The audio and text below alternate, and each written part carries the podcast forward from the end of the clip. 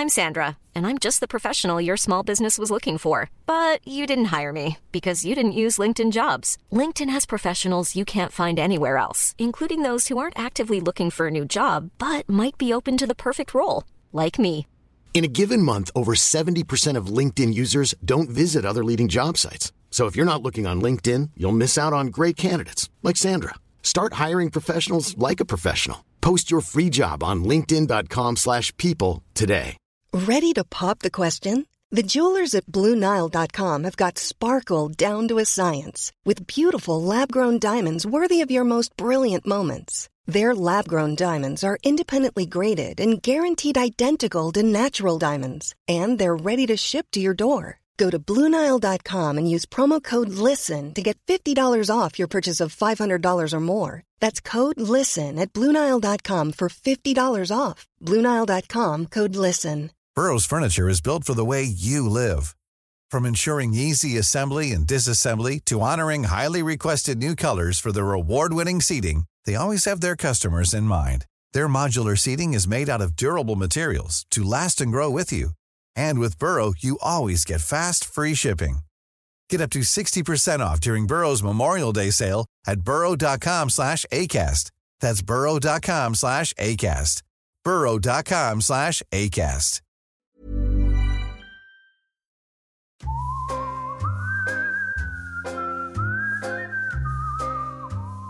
Läkaren bestrider alltså att han fick fastigheten värd cirka 15 miljoner kronor skriven på sig i egenskap av läkare.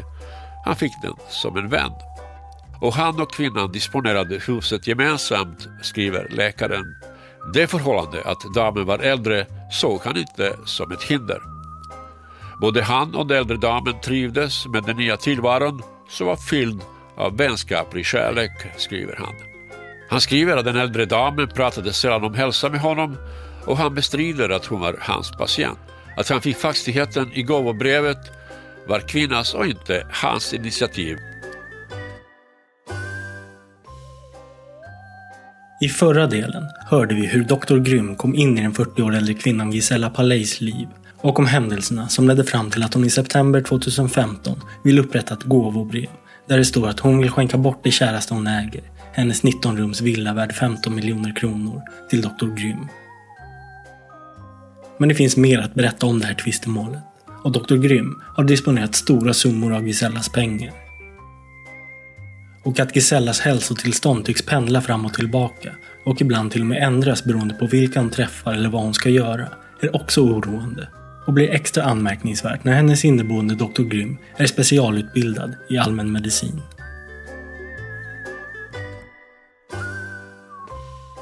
Vi börjar med att ta ett litet steg tillbaka och hör hjälpredan som Gisella hade mellan åren 2012 och 2013. Hennes namn är Ennike och det var Gisellas brorson Christian som efter mycket om och men till slut lyckas uppfylla sin fasters önskan om att hitta en hjälpreda åt henne som både är från Ungern, kan laga ungersk mat, kan tänka sig bo hos Gisella och som Gisella dessutom tycker om. Christian lyckas till slut med det svåra uppdraget och Ennike flyttar in hos Gisella under ungefär ett års tid. Hon är tillkallad som vittne åt de som stämmer Dr. Grym.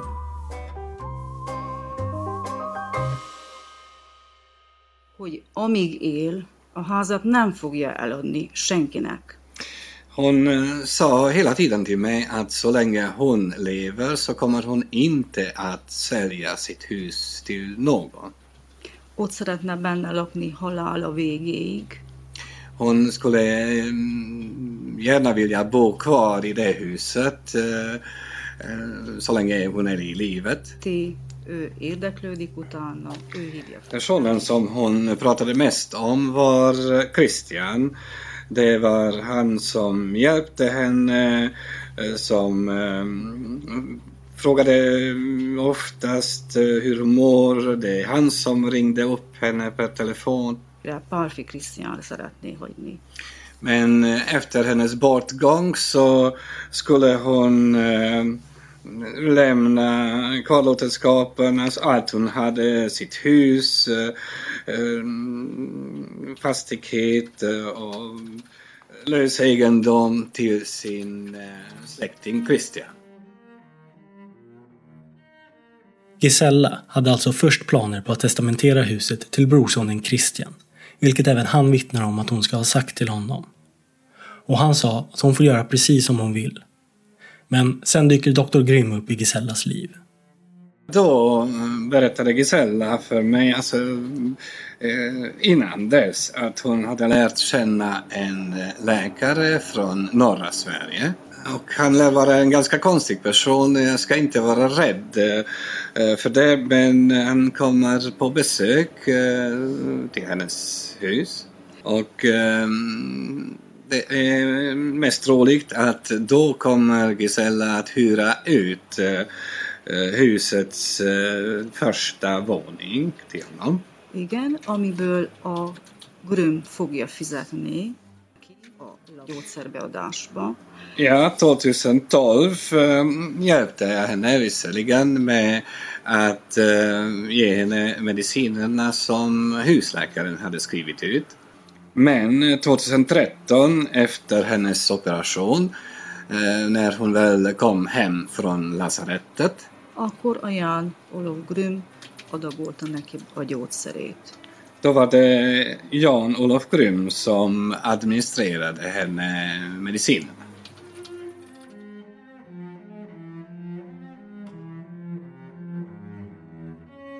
Gisella tycker mycket om Ennykes sällskap, fram till att Dr. Grym flyttar in. Det framgår då för Ennyke att Dr. Grym verkar vilja ta hand om Gisella själv. Och när Dr. Grym gjort sig hemmastad hos Gisella börjar Gisellas attityd mot Ennyke sakta men säkert ändras.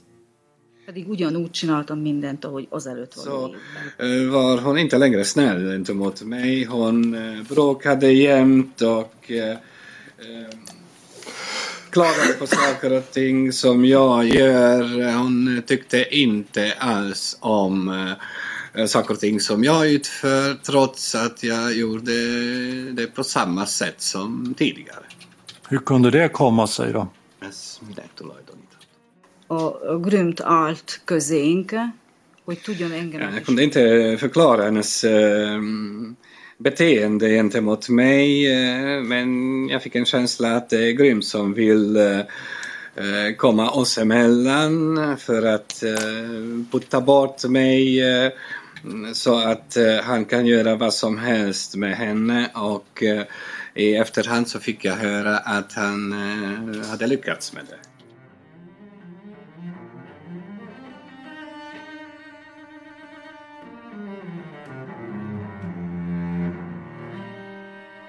Vi hoppar nu fram igen till det viktiga året 2015 då Gisella skänker bort sin fastighet till Dr. Grym genom ett gåvobrev.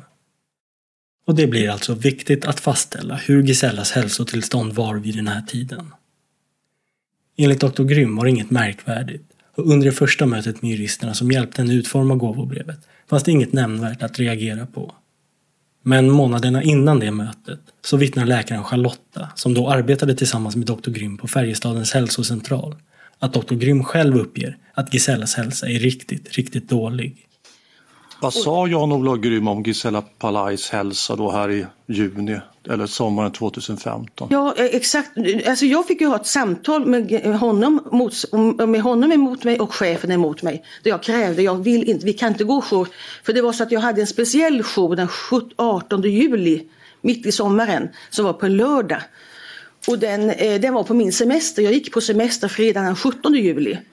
Och Jan-Olof Grym jobbade både veckan innan och veckan efteråt. Eh, Och då skulle han absolut inte ha den jouren ändå för han kunde ju inte gå jour. Han hade speciella skäl enligt chefen för att han som anhörig inte ska kunna, hon kan inte tvinga honom, han skulle inte gå jour. Utan de tvingade mig, sitter mitt emot mig och tvingar mig att ta den här jouren på, mellan 9 på morgonen till 22 på kvällen på lördag när jag har gått på semester. Och jag tyckte att det var väldigt, därför kommer jag ihåg det så väldigt väl. Så det, det datumet. Ni hörde kanske att Charlotta benämnde Dr. Grym som Gisellas anhörig. Men det är han absolut inte. Han har ingen relation till Gisella, men han har flera gånger berättat för personer omkring sig att han är Gisellas anhörig. Och till och med den enda anhöriga. Men nu under sommaren 2015 berättar Dr. Grym för Charlotta att han inte kan gå jour eftersom Gisella är mycket dålig. Han kunde inte gå jour och så berättade hon att hon var så dålig. Och sen på nätterna låg hon och kissade på sig hela nätterna så att han, på morgonen fick han, kunde han berätta då ibland att nu har jag bytt hela sängen två gånger i natt. Och det var då den sommaren 2015. Eh, Det verkade som om hon hade... Ja, det Jag tyckte det verkade som att hon var verkligen väldigt med tungt vårdbehov. Så uppfattade vi det. Så vi uppfattade så. Så vi kunde inte kräva så mycket mer. Även om vi då inte fick hjälp med jourerna så var det, så var det jobbigt. Det är några månader efter detta, hösten 2015, då det ödesdigra gåvobrevet upprättas. Det första mötet med Gisella höll juristen Nuhi själv i. Men han återvänder tre veckor senare tillsammans med en kollega och det är då gåvobrevet skrivs under. Advokat Nilsson. Mm, tack så mycket. Det är nu Gisellas advokat Petter Nilssons tur att ställa frågor till juristerna. Sen så ringde, sen hade du fått ett meddelande av din sekreterare att du skulle ringa upp mm. Jan-Olof Grym som jag uppfattade det. Nej, Gisela var det. Ja. Men att det var Jan-Olof som hade ringt då. Okej, okay. och vem var det som svarade när du ringde? Jan-Olof. Och vad sades vid det samtalet? Att Gisela ville boka in ett möte. Om vad? Om att gå igenom familjejuridiska spörsmål. Då. Sades det någonting om gåvobrev och så vid det tillfället? Det vill jag inte minnas, kan jag inte minnas faktiskt om det var gåvor. Att han sa att det var gåva eller så. För sen när du träffade Gisela så förstod du att hon inledde med att berätta en massa om sig själv och, mm. Ungern, Transylvanien och så. Men, mm. men sen hur kom ni in på att det var en gåva då? Mm. Nej, hon eh, sa ju, eller jag ställde frågan varför är jag här idag? Okay. Och då sa hon att jag vill ge bort min fastighet. Right. Eller den här fastigheten. Så. När ni var där andra gången så sa du att du tog med dig Johan. Mm. Eh, brukar, brukar ni gå två jurister? Då? Jag tyckte du sa att du tog med dig Johan för att bedöma. Mm. Ja, vi brukar ta med, alltså är det hembesök och vi ska köra, göra fullföljning. nej, men du sa att du tog med dig Johan för att bedöma. Vad var det ni skulle bedöma? Nej, att hon är vid sina sinnesfulla bruk. Men då, får, då låter det nästan som du undrade om hon var det. Nej, det är ju det vanliga, det, alltså det, är det vanliga vi gör när det är hembesök och, då... eller att kunder kommer in till oss. Då är det ju jag eller, eller en annan kollega eller Johan då som bevittnar. Men du hade väl gjort en bedömning vid möte ett redan? Mm. Men sen tyckte du behövdes en till bedömning? Ja, för att vara fullt eh, säker. Var du inte fullt säker efter första mötet? Jo. Men ändå tog du med dig den här Johan? Ja. För att bedöma? Ja. Vid det här möte två, mm. då uppfattade jag det som att Jan-Olof Grym, han kom med kaffet och sen stannade han. Och satt med din kollega. Mm. Så då var han med liksom när det skrevs under och så. Ja. Och deltog i mötet. Inte hela mötet. Nej, men från det att han kom in ja. i rummet. Mm. Dr. Grimm hävdar att han inte var med under det här mötet. Att han höll sig i köksregionen. Men det stämmer inte riktigt med juristernas minnesbilder. Vi hör kollegan Johan. Sen kom Jan-Olof in med, med, eh, så småningom med kaffet och uh, satte sig bredvid mig i soffan och vi pratade lite grann för att Noe skötte snacket mm. om vi får säga så. Efter att Dr. Grym kommit in med kaffet så stannar han där ett tag. Juristerna menar att han inte var delaktig i diskussionen om gåvobrevet. Men att han däremot fungerar lite som en tolk då Gisella ibland har svårt att höra vad juristerna säger. Hur länge varade det här mötet som du deltog i? Mellan 30 och 45 minuter skulle jag säga då. Det var, det var någonstans där. Det är svårt att säga exakt, alltså från när vi ringde på till vi gick. Det var ju, vi drack ju kaffe där också och det var väl ingen längre sittning utan det var ju... Men... Nej. Var du med på det mötet då mellan Gisella och de här två juristerna? Nej, jag var i köksregionen. Hade du pratat om eh, eh, innehållet i, i gåvobrevet innan det mötet med Gisella? Du menar mellan igen. det första och andra mötet? Precis, precis. Nej. Nej. Sånt, sånt diskuterade inte vi så. Okay. Du tyckte inte det var något konstigt med att en gammal, en 87-årig tant ger bort fastigheten till Jan-Olof Grym? Ja, men självfallet kan man ju tycka det rent eh, objektivt eh, sett. Kan mm. man ju tycka det. Eh, men som jag sa här tidigare då så tyckte jag att det var ju en genuint eh, förhållande här då, en inneboende. Eh, alltså det var en varm familjekänsla här när man kom in. Och advokat Nilsson är intresserad av att höra hur länge det första mötet, det som hölls i september, varade. Just med bakgrund av att banktjänstemännen Marianne Månsson och Andreas Nilsson som upprättade Gisellas testamente visste att man minst behövde boka in tre timmar med Gisella för att verkligen försäkra sig om att man förstår henne rätt. Men varade mötet 45 minuter med den här rundvandringen inkluderad? Nej. Nej. Hur, långt, hur lång tid tog det för Gisela Palaio att berätta om Transylvanien och läkarmottagning och sånt? Ja, det kanske tog 20-25 minuter. Alltså då ägnade ni 15-20 minuter åt själva gåvobrevet? Ja. Så 15-20 minuter tar det för Gisella att försäkra juristen om att hon vill skänka bort sin största kärlek i livet till sin relativt nya bekantskap, Dr. Grym. Och olika personers olika uppfattningar om Gisellas hälsa vid olika perioder blir mer och mer intressant.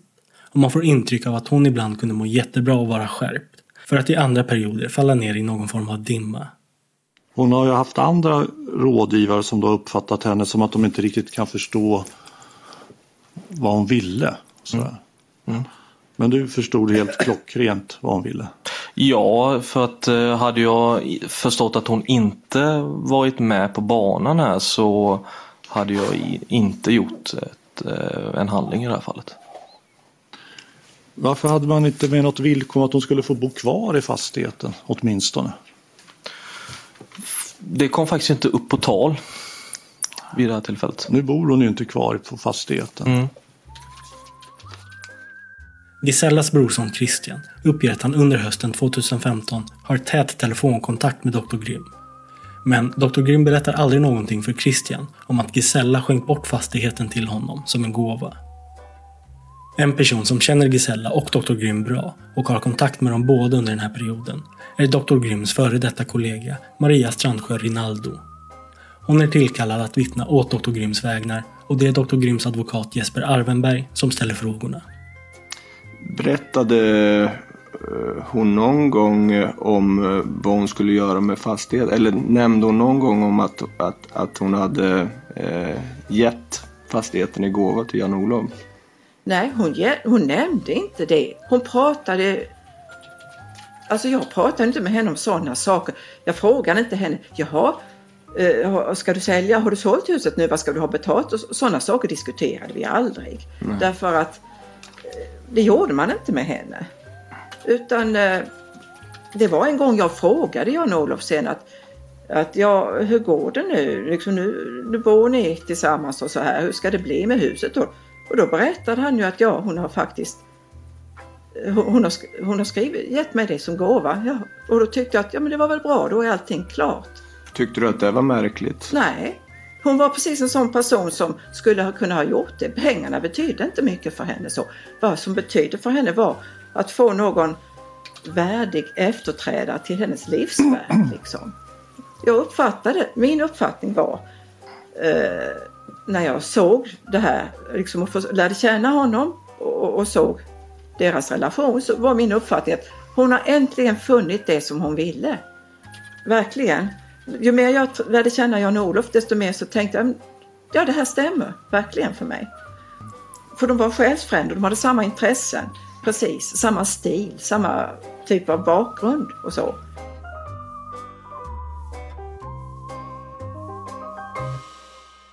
Maria har varit nära vän med Gisella under en lång tid. Men att Gisella och Dr. Grym har haft samma bakgrund går att diskutera. Gisella är uppvuxen i det romska Transylvanien under andra världskriget medan Dr. Grym i sin ungdom arbetade som modell i Paris. Men det är hennes uppfattning att deras bakgrunder är lika. Gisellas brorson Christian vittnar om att Gisella under senhösten 2015 upplevs som sämre och sämre. Hon ler men konverserar lite. Hon, man ser att hon har svårare att gå, hon har svårare liksom att... Allting går långsammare. Att, att, att vakna på morgonen, det tog längre tid för att hon har alltid behövt en uppfartssträcka, startsträcka med medicin och allting. Um, men vi upplevde liksom att ah, nu börjar hon bli gammal. Liksom och där. Så Sen kom vi till först, jag tror första helgen i november. Då åkte jag ner med min yngsta dotter en helg sådär som vi brukar göra. Av någon anledning så kunde inte de andra följa med. Och då var det, då började den här kolkällan. liksom, då såg man att herregud, liksom, det, det, här, det är inte normalt, det är inte som det brukar vara. Liksom. Och det var mest att han rullade runt henne i rullstol, knappt att hon kunde gå med rullatorn. Um, det var liksom, det var inget roligt. Christian besöker Gisella och Dr. Grym nere i Kalmar i november 2015. Och ingen nämner då något om att fastigheten numera tillhör Dr. Grym. Gisella gör det inte för hon har överlag svårt att ens få ut några ord. Men varför Dr. Grym inte berättar något om det är oklart. Sen, två helger efter tror jag det var, näst sista helgen i november, då kom de upp och skulle handla på NK. De skulle shoppa på NK som man uttryckte sig. Um, det... Två helger efter att Christian har lämnat dem meddelar Dr. Grym att han och Gisella kommer upp till Stockholm för att shoppa på NK. Helgen efter det är det dags för det årliga julbordet där Christian bjudit in både Gisella och Dr. Grym till hans landställe i Norrtälje. Den här gången var det liksom bara på en vecka. Du vet, det var, hon, var, hon var helt borta. Hon var helt borta. Hon satt i rullstolen. Eh, kanske ett leende på sin höjd. Eh, sen under middagen då, då var det ju så att det, hon, ja, hon dreglade rent ut sagt. Det bara rann ur munnen på henne. Och eh, Jan-Olof Grym förde all talan. Det var ingen, hon, hon, pratade ingenting. Sen var det några tillfällen som man kände att hon ville. Hon fick syn på min mor till exempel. Eh, som kom på samma färja tror jag. Eh, då var det sådär att eh, då ställde han sig helt sonika emellan. Så att alltså, han använde kroppen för att, att så att säga hindra att man skulle kunna prata med henne.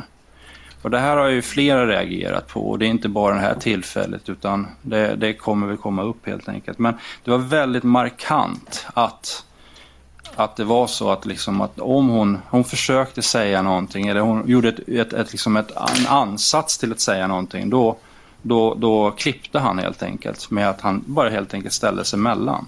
Och det här upplevde min mor väldigt, väldigt eh, jobbigt och väldigt, eh, hon var väldigt upprörd över det här. Så att det som Jan-Olof Grym säger om julbordet, det hävdar jag då totala motsatsen och det är flera som kommer göra det. Och eh, ja då, eh, mådde Gisela bra?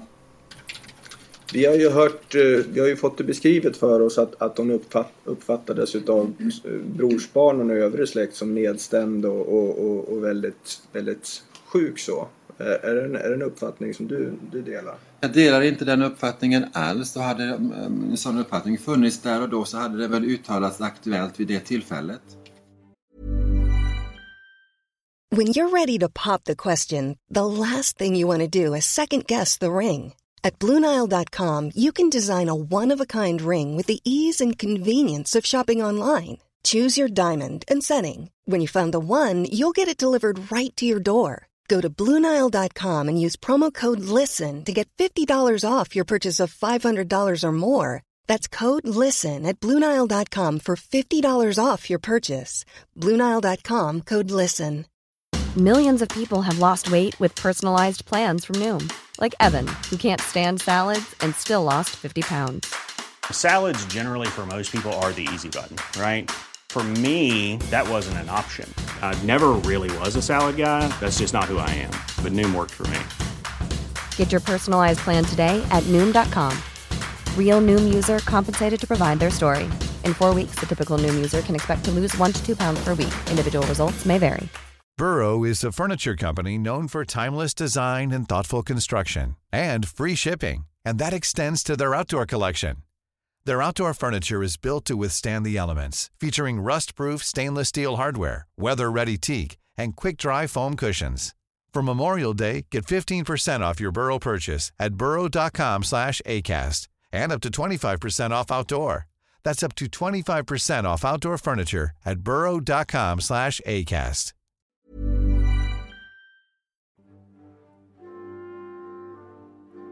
Fast det var i det sämsta skicket. Det är nog det sämsta skicket jag har sett henne. Förutom när, hon nu, när vi träffade henne på boendet sen då 2016. När hon då var, bevisligen var helt borta, alltså drogad. Så att säga. Christian kommer hävda att Gisella blivit drogad. Att han sett tydliga tecken på det senare under 2016. Och vi kommer till det, men i början av 2016 hålls det under 13-dagen en stor konsert i Kalmar domkyrka. Ja, det var min eh, sista julkonsert. Det var 6 januari 2016. Ja. Det är just sådana här konserter som Gisella brinner för. Och folk omkring henne vet att hon aldrig skulle missa en chans att delta under en sån här konsert. Och det gör hon inte heller. Hon kommer dit, men i dåligt skick, enligt vissa. Den numera pensionerade kyrkomusikern Paul Erik var en i ensemblen denna kväll i januari 2016. Hur, hur var det då med henne? Ja, hon satt alldeles, alltså det var också då fullsatt i kyrkan och då satt hon eh, alldeles bakom mig, ungefär som till dörren där, eh, framför första raden.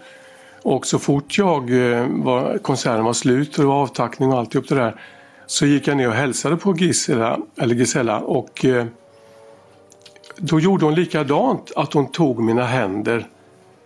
Men hon sa ingenting. Och, och jag noterade detta, det är därför jag kommer ihåg det. Därför att jag sa till min fru när jag kom hem, det var nog sista gången jag träffade Gisela Palaj. För hon var väldigt skröplig ikväll. Men på vilket sätt? Varför, hur kunde du tro att det var sista gången du skulle Nej, men alltså hon betedde sig så annorlunda och, och eh, ja, så annorlunda, men det var ett annorlunda beteende och hon fick inte fram något ord. Det var väl mest det här verbala som saknades. Mm. Och då tänkte jag, då är hon så... Ja, antingen har hon fått en stroke igen eller... Hon sa ingenting. Men hon tittade på mig liksom. Under just den här perioden börjar fler i Gisellas släkt oroa sig. Eh, jag arbetar som läkare och eh, är dotter till eh, Gisela Pallais lillebror, Zoltan från farfar och Palf. Christians kusin Lena är läkare. Hon har inte haft jättenära kontakt med Gisella de senaste åren, men har nu blivit införstådd i Gisellas sviktande hälsotillstånd och inser att hon måste gå till botten med vad det är som är på gång. Hon får tag på Dr. Gryms mobilnummer, men han svarar inte så hon ringer då hem till Gisella och där plockar Dr. Grimm upp luren. Telefonnummer och så pratade jag med honom och jag fick fortfarande ingen klar bild så tänkte jag att Maria Sancho Rinaldo är en person som jag har arbetat tillsammans med på Färjestads vårdcentral och hon var också god vän med Gisella. Så att jag tog en chansning och ringde till henne. Lena får alltså reda på att läkaren Maria Strandsjö Rinaldo, som vi tidigare hört och som är Dr. Grimms kollega på Färjestadens hälsocentral, ofta har besökt Gisella de senaste åren. Eftersom samtalet med Dr. Grym inte gav Lena mycket testar Lena att ringa upp Maria för att höra hur Gisella mår. Och då beskriver hon att eh, hon och flera andra hade kommit på besök varje vecka i stort sett under en längre period. Men under våren 2015 så hade det på något sätt tunnats ut och min faster hade inte kunnat riktigt eh, delta i de här eh, den här samvaron. Ibland hade hon varit, varit tvungen att vila, varit trött, hon varit ledsen och gråtit och eh, det har varit till och med så att det blev tilltagande så att man inte riktigt kände att man kanske fick så tydlig kontakt med henne som tidigare. Eh, man, hon sa det att det var ofta Jan-Olof Grym som, som talade och så vidare men att min faster satt liksom vid sidan om lite grann. Och så berättade hon att under hösten 2015 så tunnas det ut ytterligare och de, hon får besked att det inte är läge att hälsa på eh, Gisella. Eller får det beskedet av, av Jan-Olof Grym. Och eh, i, på, så beskriver hon att, att det har varit en konsert på 13-dagen en, eh, hon har, när Gisella har blivit inviterad och då har hon kommit dit i rullstol med Jan-Olof Grym som har kört henne dit och som har konverserat men man har inte riktigt känt att man har fått kontakt med henne. Man har inte kunnat prata med henne, man har inte kunnat kommunicera med henne. Och eh, så småningom så säger hon också att eh, hon visste om att Gisella har åkt till Tyskland på en, en eh, resa och, och undrar liksom hur hon kunde klara av den strapatsen när hon var så pass dålig i januari. Så alltså, kort tid efter, någon vecka efter, så har man alltså åkt iväg till Tyskland. Hon, hon, hon var klart tveksam till detta och undrade hur det hade gått. Och det var en heroisk insats kanske för alltså, att Jan-Olof Grym och hon hade åkt ner och klarat den här eh, resan. Vi har Maria Strandsjö Rinaldo, tillkallad som vittne åt doktor Grym. Vi har hört eh, brorsdottern Lena. Hon har eh, varit här igår eller förrgår. Och hon berättade att hon hade haft en kontakt med dig efter att Gisella hamnade på sjukhuset i februari och att du, nu ska jag, kan jag inte återge det ordagrant, men att du skulle ha gett uttryck för en viss förvåning över att eh, Jan-Olof och Gisella hade varit i Tyskland tillsammans på grund av Gisellas hälsotillstånd. Ja, hälsotillstånd. Hon hade svårt att gå. Hon behövde ha hon kunde kanske gå några steg med rollator så att, och skulle ha rullstol och så vidare. Och, eh, och, och att då åka eh, flygresa ner till, eh, till Hamburg tyckte jag var väldigt strångt. Jag, menar, jag beundrade honom. Att, tänk att du orkar ta hela det här besväret. Och så. Jag tyckte det var lite förvånande för att hon var ju liksom ändå inte, det var ju inte så lätt. Hon, hon rörde sig inte lätt och ledigt längre. Hon var ju tung. Mm. Alltså gick där och, och, och svårt och, och, och liksom så. Men var, var, var det den fysiska begränsningen du ja. refererade till? In... Ja, nej inte den psykiska. Den var? För, för hon hade ju varit, alltså hon ville ju gärna, hon var ju ute och de var ju ute och, och eh, träffade folk reste massor med gånger, alltså här runt i trakten då. Åkte hem till hennes vänner och, och, och sådana saker. Mm. Och gick på konserter och gick på sådant. Mm. Så att jag var ju bara jätteglad och tyckte, men jag sa att klart jag var förvånad. Nej men tänk att han verkligen orkade göra det och så. Mm. Att sätta henne på flyget och åka, eh, ja, och allt det där som, som krävs. Men resultatet blev att det var inte, inte aktuellt för, för Björn och Christian att följa med. Och då, och då sa Gisella att då åker vi själva. I januari 2016, bara ett par veckor efter 13-dagskonserten, där kyrkomusikern Paul-Erik upplevde Gisella vara i mycket dåligt skick, så beger sig Gisella och Dr. Grimm ut på en resa till Hamburg. Gisella vill nämligen avsluta sina bankkonton i den tyska Commerzbank. Dr. Grym hävdar att han inför resan frågar Gisellas brorsbarn Christian och Björn om de vill följa med. Vilket inte alls stämmer, enligt Björn. Okej, okay. så vad var syftet med resan då, som genomfördes i januari 2016? Gisella ville, ville avsluta sina eh, bankaffärer i Hamburg. Men hon ville också eh, eh, se till att säkerställa hennes älskade hus, vårat älskade hus, eh, skulle kunna bli fortsatta renoveringar som hon ville ha det och de saker som skulle göras. Och hon ville ge mig eh, medel för att sköta detta för hon ville inte riktigt beblanda sig med eh, snickan på den nivån men hon ville gärna styra hur snickaren skulle slå hammen. Okej. Okay. Mm. Uh... Hon vill alltså tömma sina besparingar för att renovera en fastighet som hon bara några månader innan skänkt bort till Dr. Grym. På pappret är det alltså inte ens hennes fastighet längre. Hon ville ge mig pengar för hon, hade, hon och jag hade räknat ut med den erfarenheten som vi hade av tidigare renoveringar som hade gjorts både på grund av vattenskador men också andra renoveringar till följd av, av vattenskadorna. För Gisella hade bedömt att byggarna var så pass duktiga och pålitliga att de kunde göra detta. Så hade hon och jag bedömt med, med hjälp av de räkningarna ungefär vad det skulle kosta att säkerställa eh, eh, återställa då fönstren, takläckaget och, och Sibirien, det vill säga stora matsalens inre väggar som nu hade börjat torka. Ehm, och vi kom fram till en summa som ehm, ligger på 800 000 kronor mellan tummen och pekfingret som Gisella sa. Plus så hade hon alltid, alltid drömt om, för att det kanske inte är någonting som många vet om, men de som har lyssnat, inte bara suttit utan lyssnat. Uh, när hon kom till eh, sitt, den här, det här huset eh, och köpte det så hängde det långa, långa eh, sammetsgardiner i hela huset. De skickade hon in, in till kemtvätten och eh, de, gick, eh, de blev kletiga och söndriga. Advokat Nilsson tar över utfrågningen.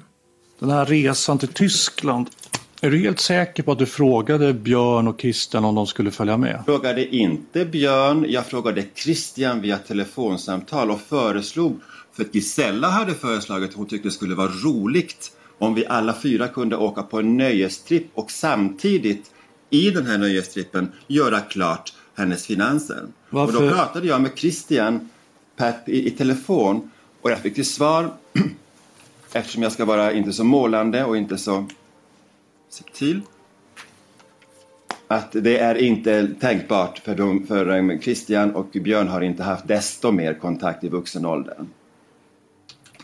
Varför frågade inte Gisela Palaj om de ville följa med? Varför ringde inte hon? Hörseln var mycket dålig och hon ville gärna att jag skulle prata med Christian för hon ville att vi skulle bli goda vänner och det ville jag också. Sen åkte ni till, hur åkte ni dit? Till Hamburg? Ja men det har ni ju sagt hur jag, hur jag åkte dit. Har du? Ja men det ger en Nu text. frå, men nu frågar jag ju dig, hur, åk, hur åkte ni till Hamburg? Vi flög naturligtvis. Vi flög. Mm. Så väl i Hamburg rullar Dr. Grym in Gisella i Commerzbank. Han vill nämligen inte trötta ut Gisella, som den gentleman han är. Långa eh, transportsträckor så ska, ju inte, så ska man ju inte stressa ut en dam. Hade ni med er en rullstol? Vi hade med oss rullstol och rullator och, ehm, och ehm, ehm, bagaget. Rullstol och rullator och bagage. Ja. Mm. Eh, sen här på Commerzbank då gick det pengar till ett konto som var ditt. Ja. Vilken bank var kontot i? Handelsbanken. Vem informerade Commerzbank om ditt kontonummer?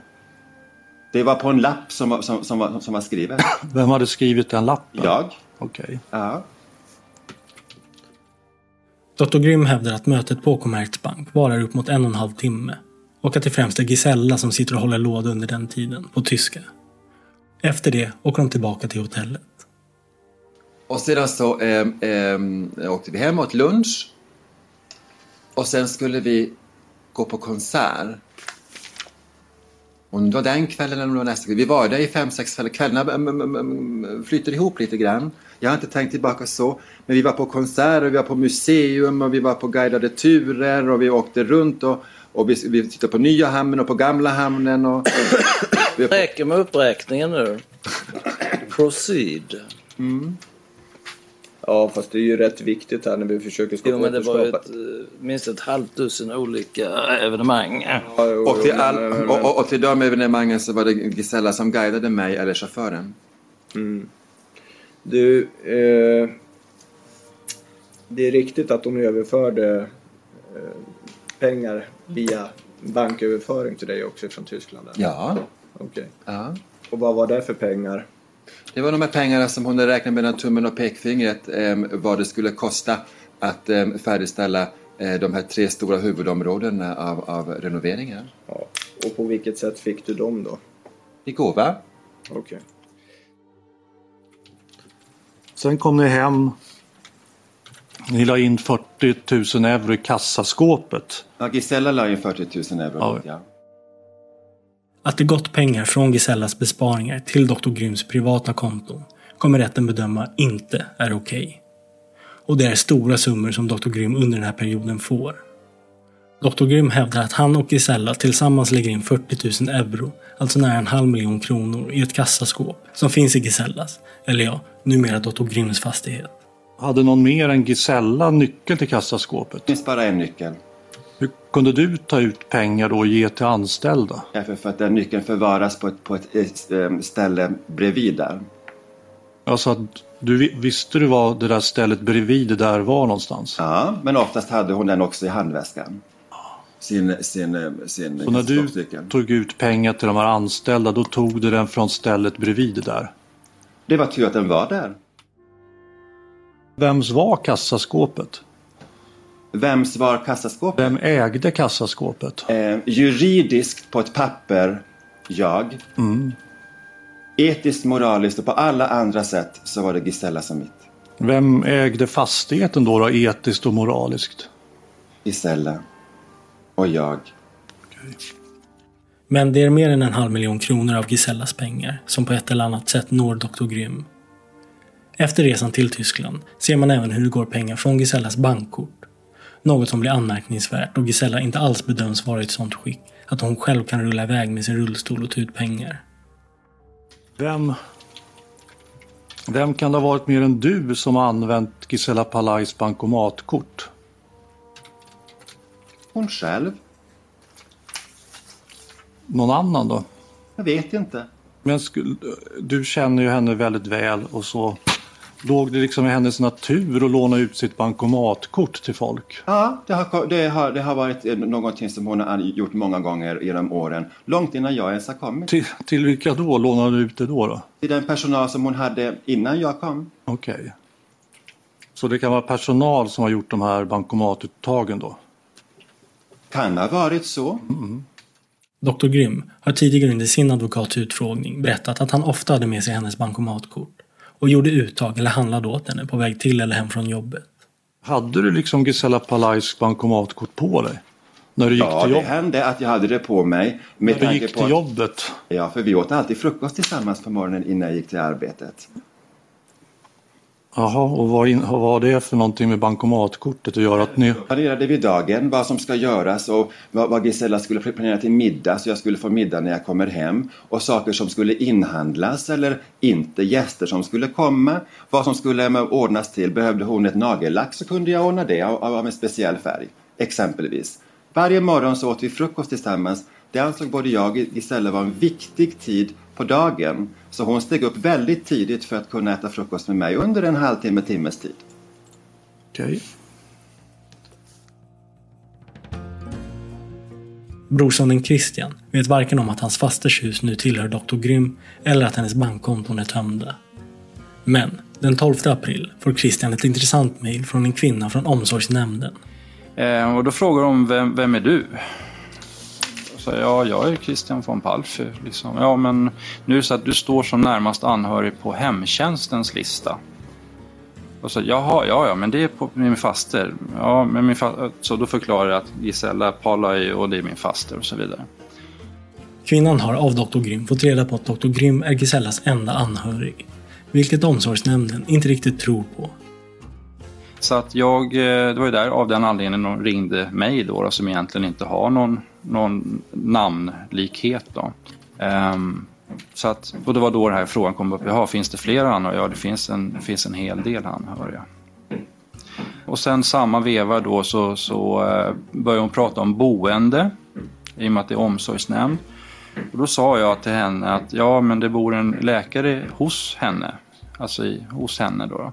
Och då var hon väldigt noga med att nej, hon bor hos honom. Och då tänkte jag, men nej, nej, nej, nu har du fått det fel. Han bor hos henne. Nej, då berättade hon att han hade varit noggrann med att specificera att hon är boende hos honom. Och då vart jag ju sådär liksom, ja, det här är någonting som inte stämmer. Så att det var här jag började tvivla på Jan-Olof Grym då. Nu uppdagas det för Christian om att det är något lurt med Dr. Grym. Och mer om det hör vi i del 3. Är det någon som har utsatt dig för några slags försök att du inte ska komma hit och vittna idag? Ja, tyvärr. Det är min fackliga företrädare. Jag upplevde det faktiskt som att Gisella var drogad på något vis. Va? Eh, jag var inte medveten. Innehållet i testamentet gäller inte. Falsarium. Gisella ville ge allting till mig. Men jag sa, det är mot min värdighet att ta emot allt. Hon känner sig lurad så det bara knakar om det. Du har lyssnat på Rättegångspodden. Mitt namn är Nils Bergman. Ansvarig utgivare är Jonas Häger. Tack för att ni har lyssnat. Hi, I'm Daniel, founder of Pretty Litter. Cats and cat owners deserve better than any old-fashioned litter. That's why I teamed up with scientists and veterinarians to create Pretty Litter. Its innovative crystal formula has superior odor control and weighs up to 80% less than clay litter. Pretty Litter even monitors health by changing colors to help detect early signs of potential illness. It's the world's smartest kitty litter. Go to prettylitter.com and use code ACAST for 20% off your first order and a free cat toy. Terms and conditions apply. See site for details. Planning for your next trip? Elevate your travel style with Quince. Quince has all the jet setting essentials you'll want for your next getaway, like European linen, premium luggage options, buttery soft Italian leather bags, and so much more. And is all priced at 50 to 80% less than similar brands. Plus, Quince only works with factories that use safe and ethical manufacturing practices. Pack your bags with high-quality essentials you'll be wearing for vacations to come with Quince. Go to quince.com slash pack for free shipping and 365-day returns. Planning for your next trip? Elevate your travel style with Quince. Quince has all the jet-setting essentials you'll want for your next getaway, like European linen, premium luggage options, buttery soft Italian leather bags, and so much more. And is all priced at 50 to 80% less than similar brands. Plus, Quince only works with factories that use safe and ethical manufacturing practices. Pack your bags with high-quality essentials you'll be wearing for vacations to come with Quince. Go to quince.com/pack for free shipping and 365-day returns. Rättegångspodden är en Tall Tale produktion. Ansvarig utgivare är Jonas Häger. Och Rättegångspodden görs i samarbete med Lexbase. Ange rabattkoden Rättegångspodden när du blir ny betalande medlem på lexbase.se och få tre kostnadsfria domar.